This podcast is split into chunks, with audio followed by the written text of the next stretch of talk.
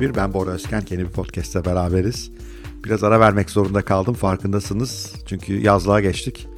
Ee, aslında bizim zaten plan Mayıs başında geçmekti. Bu ani Covid-19 kapanma kararlarıyla bunu iki gün önce çekmek zorunda kaldık. Ve daha belki aranjman işte uçakla falan geçecekken aniden arabalara doluştuk. Çünkü uçaklarda yer yoktu. Epey bir itiş kakışla vardık. Setup'ımızı kurduk. Şimdi yavaş yavaş yeni podcastlerde inşallah beraber olacağız. Bugünkü konumuz Tesla. Tesla yatırımı büyütmeye karar verdim. Neden böyle bir karar verdim? Bilenler biliyor benim Tesla'ya ilişkim çok uzun süreli. Ama tekrar bir yatırım büyütme kararı nereden geldi? Bunu anlatmaya çalışacağım. Anlatacaklarım bir yatırımcıysanız bir yatırım tezi nasıl geliştiriliyor, geleceğe bakış nasıl oluyor o yönden ilginizi çekebilir. Otomobil sektörünü seviyorsanız o yöne ilginizi çekebilir. Tesla seviyorsanız Tesla'nın geleceğini anlatmış olacağım. Oldukça zenginleştirici bir bakış açısı kazandıracağımı umuyorum. Hazırsanız başlıyoruz. Şimdi bana sıkça sorulan sorulardan bir tanesi hocam ne oldu da Tesla bir yıl içerisinde 10 kat değeri arttı. Ee, bunun sebebi aslında basit. Daha evvel de biz Tesla'nın geleceğe inanıyorduk ama Tesla zarar ediyordu. Ve zarar ettiği için de şirketin batma ihtimali var. Yani istediğiniz kadar finansmana kolay erişiyor olun. Sürekli zarar ediyorsanız ki 10 yıla yakın zarar etti Tesla. Artık bir süre sonra finansörler, yatırımcılar da size destek vermeyebilir ve nakit akışınıza negatifse bu batış hızlanabilir.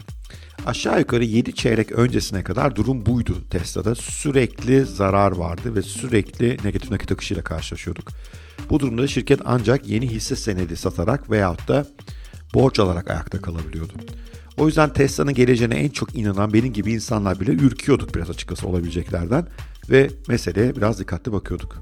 Sonra önce 2019 3. çeyrek, sonra 2019 4. çeyrek, sonra 2020'nin tamamı Tesla kar etti. Bu yılın da ilk çeyreğinde ki geçen hafta açıkladılar yine Tesla'da kar var. Ve karda hiç fena değil. 600 milyon dolar civarında bir kar var. E, brüt kar, otomobil satışı brüt karı %26,5'lar civarında ki bu sektör ortalaması çok üstünde. Yani gayet sağlıklı bir kar zarar var önümüzde.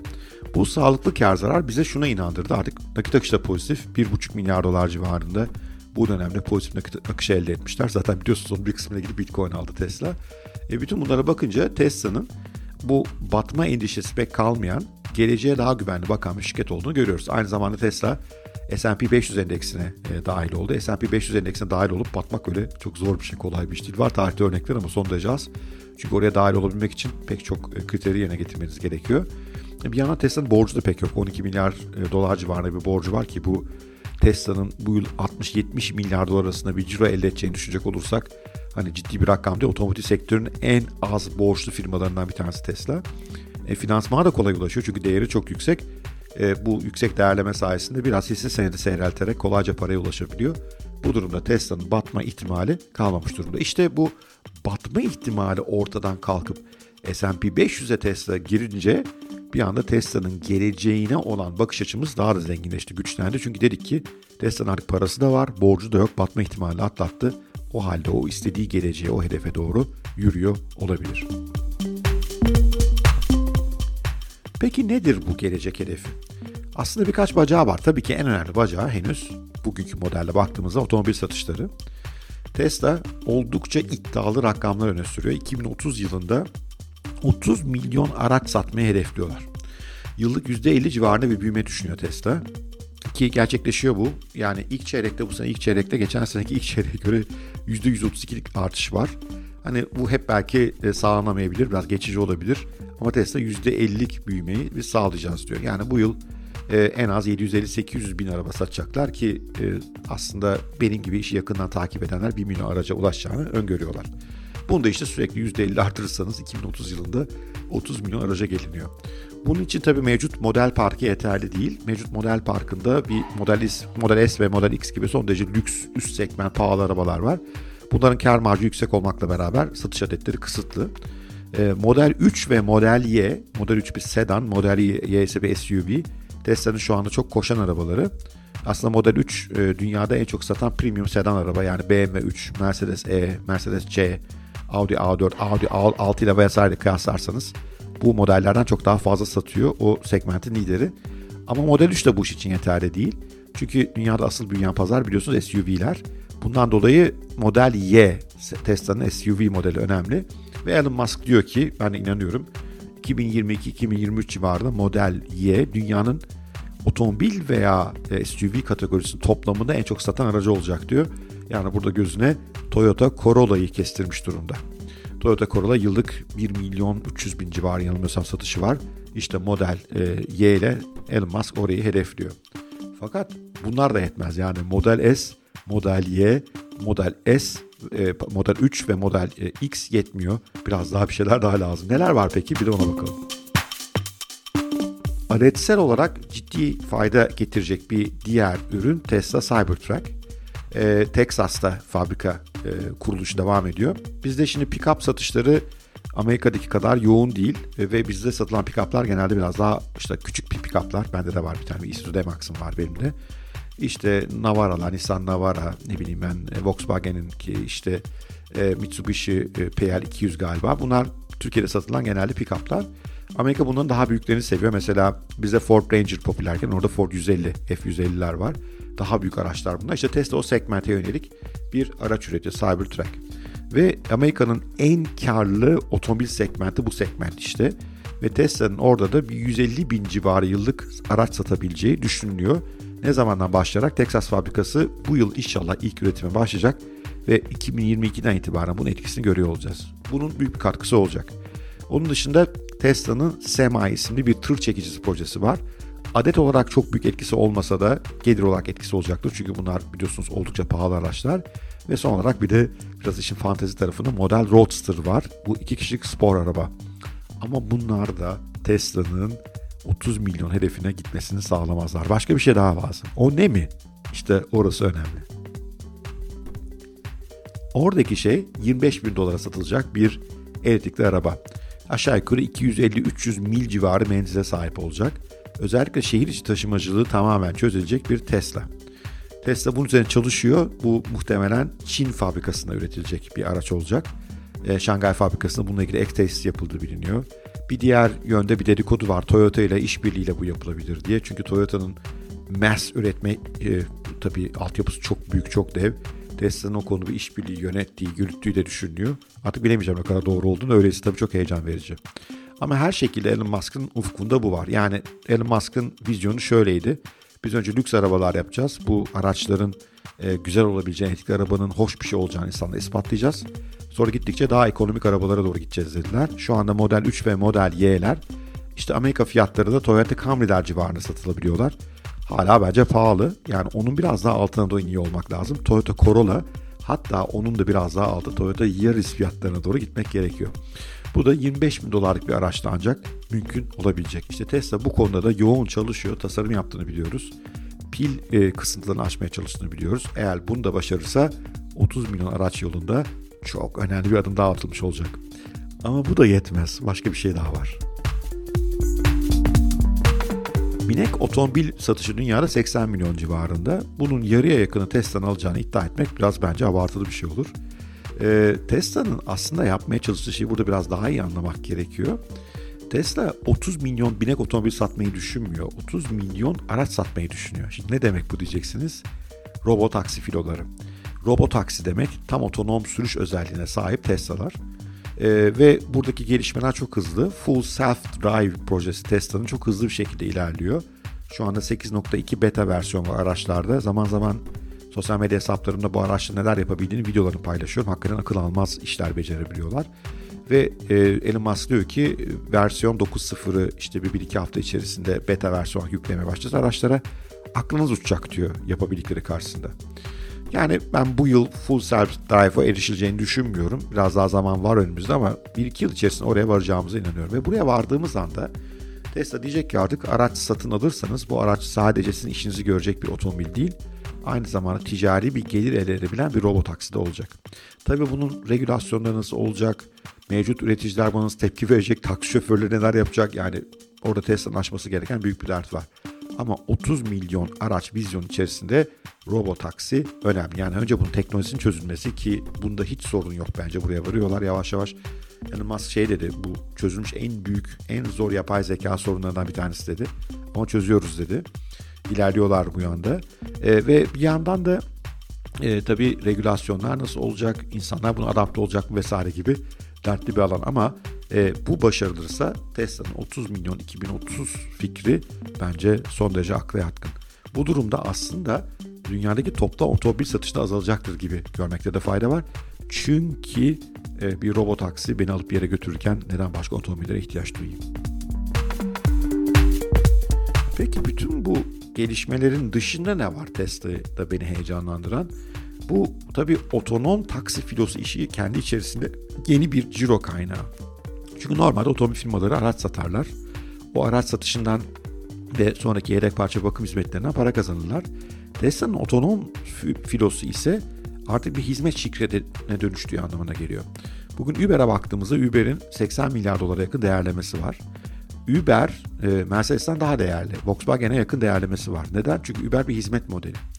Bir şey üretip satmak çok sermaye yiyen, çok e, sermaye yoğun ve kar marjı nispeten düşük bir iş. Tesla'nın kar marjları daha yüksek olmasına rağmen yine de dünyanın en karlı işi değil. Ama siz bunu bir hizmet işine çevirdiğiniz anda dünyadaki mobilite pazarından büyük bir pay alabilirsiniz kendinize ve bu durumda işte Tesla'nın değeri çok çok çok artabilir. Ee, benim Tesla'nın gelecekle ilgili yatırım tezimde en önemli unsur bu. O yüzden 2030'da 30 milyon araç ve bunların çok büyük bölümü otonom taksi filosunun bir üyesi haline gelecekler. Yatırım teziminde özünü oluşturuyor. Biliyorum bunlar size biraz şu an uçuk geliyorlar. Ama Tesla ile ilgili daha önce paylaştığım videolara, podcastlere giderseniz o zamanlarda onlar uçuk geliyorlardı. Belki o çapta bir, o çerçeveli bir daha bakmakta dinlemekte fayda var. Ama Tesla'nın bu anlattıklarım dışında da bir dünyası var. Bu dünyanın en önemli unsurlarından bir tanesi enerji sektörü. Enerji hiç kuşkusuz dünyanın en büyük endüstrilerinden bir tanesi ve Tesla burada da yıkıcı bir inovasyon yapma çabasında. Henüz yaptı diyemem ama aldığı yol muazzam. Nedir ana fikir? Solar enerji. Yani o tarafı beni çok heyecanlandırmıyor. İşte çünkü solar tarafta Tesla'nın görebildiğim kadarıyla teknolojisi çok da üstün bir teknoloji değil. 3 aşağı 5 yukarı rakiplerinkiyle aynı. Biraz daha şık, biraz daha verimi yüksek belki. Ama mühim olan o solardan elde ettiğiniz enerjiyi nerede depoladınız? İşte orada Tesla'nın pil teknolojisi devreye girmeye başlıyor. Ve Tesla pilleri ve bataryalarında kendine has çok fazla inovasyon var. Elbette e, Panasonic gibi, Samsung gibi firmalardan yararlanıyor. Tek başına yapamıyorsunuz bu işi. Ama onlarla olan işbirlikleri çok ekskluzif artı batarya tasarımını ve bu enerjinin verimi kullanılıyor yazılım tasarımının tamamını Tesla kendisi yapıyor. Bu ileride Tesla için büyük bir gelir modelini e, yaratacak. Şu anda da aslında ciddi bir gelir var orada ama toplam otomobil satışı içindeki payı oldukça az. Ve Tesla e, gittikçe hem evlerde hem endüstriyel yapılarda batarya setleriyle enerji depolama hizmetleri sunacak. Geleceğin çevreci enerji kaynaklarından e, doğru gittiğini görecek olursak bu çok önemli. Çünkü çevreci enerji kaynakları yani mesela güneşin, rüzgarın en büyük sorunu bütün gün düzenli enerji yok. Doğa şartlarına göre değişiyor. Bu enerjinin peak olduğu anlarda depolanabilmesi önemli. İşte burada dev bataryalar devreye giriyor. Tesla bu tip dev bataryalar yapabiliyor. E, bu yıl Apple'a bir dev batarya sattı. Apple çünkü diyor ki ben tamamen e, yeşil enerjiye doğru dönüyorum. Bunun depolanması için pile ihtiyacım var. İşte onu Tesla sağladı. Dünyada da pek çok böyle projesi var. Yani Tesla enerji sektörünün de en büyük oyuncularından biri olmaya ve bu fosil yakıtlardan e, alternatif enerjilere olan dönüşümde e, büyük bir pay kapmaya hazır. Şu anda bile rakamlar çok ciddi ama alınacak henüz hala yol var. Dünyada hem solar panellerle kaplanacak çok fazla yüzey var hem dünyada e, bu solar panellerden gelen enerjinin depolanmasını sağlayan pillere çok büyük ihtiyaç var. Bu arada Elon Musk'ın iddiası Amerika Birleşik Devletleri'nin enerji ihtiyacının tamamının 100 mile 100 millik bir alanın solar panellerle ve Tesla pilleriyle kapsanması durumunda çözülebileceği yolunda. Ben tabii matematiğim hesap kitabım buna yetmiyor ama oldukça iddialı ve bu taraf yine Tesla'nın e, devasa büyümesi önünde büyük bir fırsat kümesi yaratıyor. Bütün bunların yanı sıra neler var derseniz başka işler de var. Ee, daha evvel bir podcastında bahsettim. Dünyanın en büyük süper bilgisayarlarından bir tanesini işletiyor Tesla şu anda. İsmi Dojo. Bu otonom sürüş yazılımı geliştikleri e, bilgisayar bu. Buradaki know-how'ını aynı Amazon Web Services gibi dışarıya satma ihtimali var. Tesla şu anda sigorta işinde oldukça yoğun gidiyor. Ee, kendi kaskolarını kendileri yapmaya başladı. Biliyorsunuz oldukça büyük bir endüstri bu e, bu tarafta e, yayılmayı bekliyoruz. Ve artı Tesla'lar sonuçta birer yürüyen e, cep telefonu öyle düşünmek lazım. Bu cep telefonuna yönelik yeni yazılımlar satma ihtimali yüksek. Şu anda da var e, böyle yazılım satışları e, veya üyelikleri mesela Full Self Drive üyesi oluyorsunuz ve e, aylık ücret ödüyorsunuz gibi bu modellerine gelişme ihtimali var. Şimdi bütün bunları bir araya koyduğunuz zaman Tesla'nın dünya otomobil ve mobilite sektöründe çok büyük bir yere doğru oynadığını ama aynı zamanda enerji işinde de büyük bir oyuncu olduğunu ve Dojo sayesinde elde ettiği know-how'la yapay zeka servisleri tarafında da önünde fırsatlar kümesi olduğunu görmek mümkün. Başka hiçbir rakip otomotiv üreticisinde bu yok. Hatta tam tersi hepsinin başı dertte. Başlarının dertte olmasının sebebi çok basit. Onlar dönüşüm yapmak zorundalar. İstedikleri kadar iyi mühendisleri olsun ki iyi etikli arabalar yapabilirler sonuçta. Fena da değil çıkarttıkları arabalar. Hani hiçbirine bayılmadım ama fena da değil. Esas sorun bir dönüşüm gerekiyor. Mesela dün okudum Volkswagen'in 100'e yakın fabrikası var dünyada. Bu fabrikalar etikli araba üretiminde hiçbir işe yaramıyorlar. Tekrardan sıfırdan tasarlanmaları gerekiyor. Hatta zaten gördüğümüz hep oldu. Volkswagen yeni fabrikalar açtı etikli için. Aynı şekilde Ford yeni bir fabrika açıyor. General Motors bu hafta Texas'ta, eşi affedersin Meksika'da yeni bir fabrika açacağını e, duyurdu. Volkswagen veya BMW gibi, e, affedersiniz BMW ve Mercedes gibi firmalar mevcut üretim hatlarını zaman zaman convert ederek bu işi çözmeye çalışıyorlar ama ortaya çıkan sonuçlar çok iyi değil. Bu firmaların yapması gereken demek ki büyük bir dönüşüm var ve bunun için birkaç alanda bir üretim tesislerinin yenilenmesi gerekiyor. İş gücü becerilerinin yenilenmesi gerekiyor. Tedarik zincirlerinin tamamen yenilenmesi gerekiyor ve bir yandan da satış gelir modellerine yenilenmesi gerekiyor. Çünkü elektrikli otomobillerde tipik e, bir e, sorun işten yanmalarına kastlayınca satış sonrası hizmetler gelirleri oldukça düşük. O yüzden de bayiler bu araçları satmayı istemiyorlar. Nitekim Tesla zaten biliyorsunuz kendi dağıtım kanalıyla bu, bu ürünleri satıyor. Bayiler için hiç de çekici değil bu. Çünkü satış sonrası hizmetler tarafında kar marjı yok bu araçların. Bundan dolayı mevcut oyuncuların sadece birkaç model elektrikli araba üretmesi değil ana konu. Bütün bu dönüşümü yapıp tıpkı Tesla'nın modeline gitmeleri gerekiyor. Bu konuda şu ana kadar gördüğümüz kadarıyla Volkswagen en iddialı dönüşümün peşinde. Ee, sırf pil işine önümüzdeki 5 yılda 29 milyar dolar para harcayacağını söyledi. Bakalım neler olacak. İlk etapta çıkan iki Volkswagen modeli ID yani Volkswagen'in iki tane ID3 ve ID4 diye iki elektrikli aracı var. Avrupa satışlarında bile Tesla'nın epey gerisindeler. O yüzden bir görmek lazım Volkswagen ne kadar bu işi becerebilecek. Ford'un epeyce planı var. Türkiye'deki üretim tesisleri bunun parçası biliyorsunuz. Diğer firmalar hala bu işe çekingen bakıyorlar. Çünkü bir yandan borçlular, kaynakları yok. Bir yandan da büyük bir dönüşüm lazım. Sendikal sorunlar, regülatif sorunlar yani çok zor bir şeyle karşı karşıyalar. Ve şuna inanıyorlar. Diyorlar ki önümüzdeki 5 yıl içerisinde fosil yakıtlı araçları satmaya devam ederiz. Buralardan gelen karla elektrikli dönüşümü finanse ederiz ki bu bence imkansız. Neden bir imkansız? Sebebi çok basit. Şimdi düşünün bir Avrupalı tüketicisiniz. Bir bakıyorsunuz etrafınızda elektrikli arabalar boyuna ürüyorlar. Ve e, onların ikinci el değerleri daha iyiye benziyor. Şimdi gittiğiniz piyasaya yeni bir araba alacaksınız. Fosil yakıt mı alırsınız, elektrikli araba mı alırsınız? Bu kadar basit aslında bu iş. Yani bir anda ölmekte olan bir teknoloji ve ölümü gittikçe hızlanan, özellikle Avrupa'da regülasyonlarla hızlanan, Çin'de regülasyonla hızlandırılıyor bu. Yani bir sürü ülkede dizel yasaklanıyor, benzin yasaklanıyor. 2030'dan sonra benim şehrime hiçbir zaman artık fosil yakıtlar girmeyecek diyen şehirler var. Böyle bir yapıda gidip hangisini alırsınız? Muhtemelen elektrikli alırsınız. Şimdi elektrikli alırım deyince de şöyle bir sorun çıkıyor ortaya. Bir, senin toplam üretim hattının içerisindeki adetlerin içerisinde elektriğin payı çok küçük. Tesla'nın tamamen elektrikli biliyorsunuz. İki, elektrikten muhtemelen zarar da ediyorsun. Çünkü adet küçük, ölçeklerin küçük burada. Onu şu anda sen fosil yakıtlıyla finanse ediyorsun. Yani bu büyük bir dert olacak ve muhtemelen gelecek yılda itibaren geleneksel fosil yakıt e, üreticilerinin büyük bölümünün adaptasyon sağlayamadıkları için büyük acılar çekmeye başladıklarını görüyor olacağız. Ben bunu şu anda rakamlara zaten görüyorum. Bu yıl tabii 2021 yılı Avrupa'ya baktığınız zaman 2020'ye göre Covid'den çıkış yılı olduğu için e, biraz geçen seneye göre nispi yükselmeler var. O da biraz örtüyor bunları ama aslında biraz derini deştiğiniz zaman ciddi sıkıntıyı görebiliyorsunuz orada. Elektrikli araca dönüşüm işi topyekün bir iş modeli dönüşümüdür. Bunun parasal yönü, bunun know-how yönü, bunun zihni yapı yönü aşılması imkansız değişimler pek çok üretici için. Volkswagen iddialı bir iş yaptı. Diğerlerinden bu kadar iddialı şeyler henüz duymuş değilim. Bu Peki Tesla için ne anlama geliyor? Tesla için yeni kaynak anlamına geliyor. Sektörün en iyi çalışanları, profesyonelleri Tesla'ya geçmek isteyecekler. Bu sektöre para yatıran para yatırımının bir bölümü o şirketlerden çıkıp Tesla'ya gelmeye başlayacak ve göreceksiniz Tesla'nın değeri çok daha hızlı bir şekilde artıyor olacak bu değişim bir kez tetiklendiğinde. Bunun için önümüzde birkaç adım var. İşte Tesla'nın üretim kapasitesinin artması gerekiyor. E, şu anda biliyorsunuz iki fabrika inşa halinde e, Berlin ve Texas onların bir devreye girmesi gerekiyor. E, ama o da yetmez. Tesla'nın 3 fabrika daha kurması lazım. Bu yerlerden birisi Hindistan olacak gibi gözüküyor. Bir diğeri için benim adım İngiltere.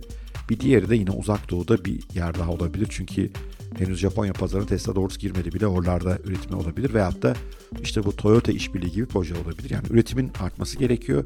Enerji e, tarafındaki e, dar boğazdan aşılması gerekiyor. Onun için e, pil tarafında inovasyonlar yapılması gerekiyor. Yani kolay iş değil bir yandan otonom sürüş tarafında da yine çok sayıda geliştirme lazım. Ama soru şu Tesla bunları yapabilir mi yapamaz mı? İşte benim yatırım tezim diyor ki Tesla bunları yapabilir. Ve sektördeki hiçbir oyuncu Tesla'nın bu konudaki hızına yetişemez. Bu da Tesla'nın işini daha da kolaylaştırıyor olur. Şu anda henüz rakipler ben yeni elektrikli model çıkarttım diye mutlu oluyorlar. Yani koskoca Mercedes geçenlerde işte inanılmaz bir lansmanda S modelinin etkisini çıkardığını söyledi. Yani daha hala da araba da ortada yok. İşte bu yıl inşallah satışa çıkmaya başlayacak. Volkswagen'de iki model var. BMW'de iki model var. Yani ortada bir öyle bir ve bu iki modelin toplam mesela BMW'nin adeti için satış adeti içerisinde yeri şaka gibi. Büyüyorlar kendi içlerinde ama hala çok küçükler. Yani bu firmalar fosil yakıtlan olan gelirle bu dönüşümü finanse etmeye hala mecburlar. Ve benim iddiam o ki bunu başarabilecek firmanın sayısı oldukça az ve bu da Tesla'nın değerini daha da çarpanlarla artıracaktır. Peki diyeceksiniz ki hocam ya uzun lafın kısası hedefin ne? Tesla'nın şu anda e, hisse senedi fiyatı 700 dolarlar civarında geziyor. Ben bu yıl sonunda 1000 doları öngörüyorum. Çok iddialı değilim bu yıl sonu için. 2025 yılında ise 2500-3000 dolar arasında bir yeri öngörüyorum. Yani kabaca 4 kat 5 katlık bir artış. Tabii ki borsada daha hızlı değeri artabilecek şirketler var ama unutmayın e, bir yandan riskinize düşünmeniz gerekiyor.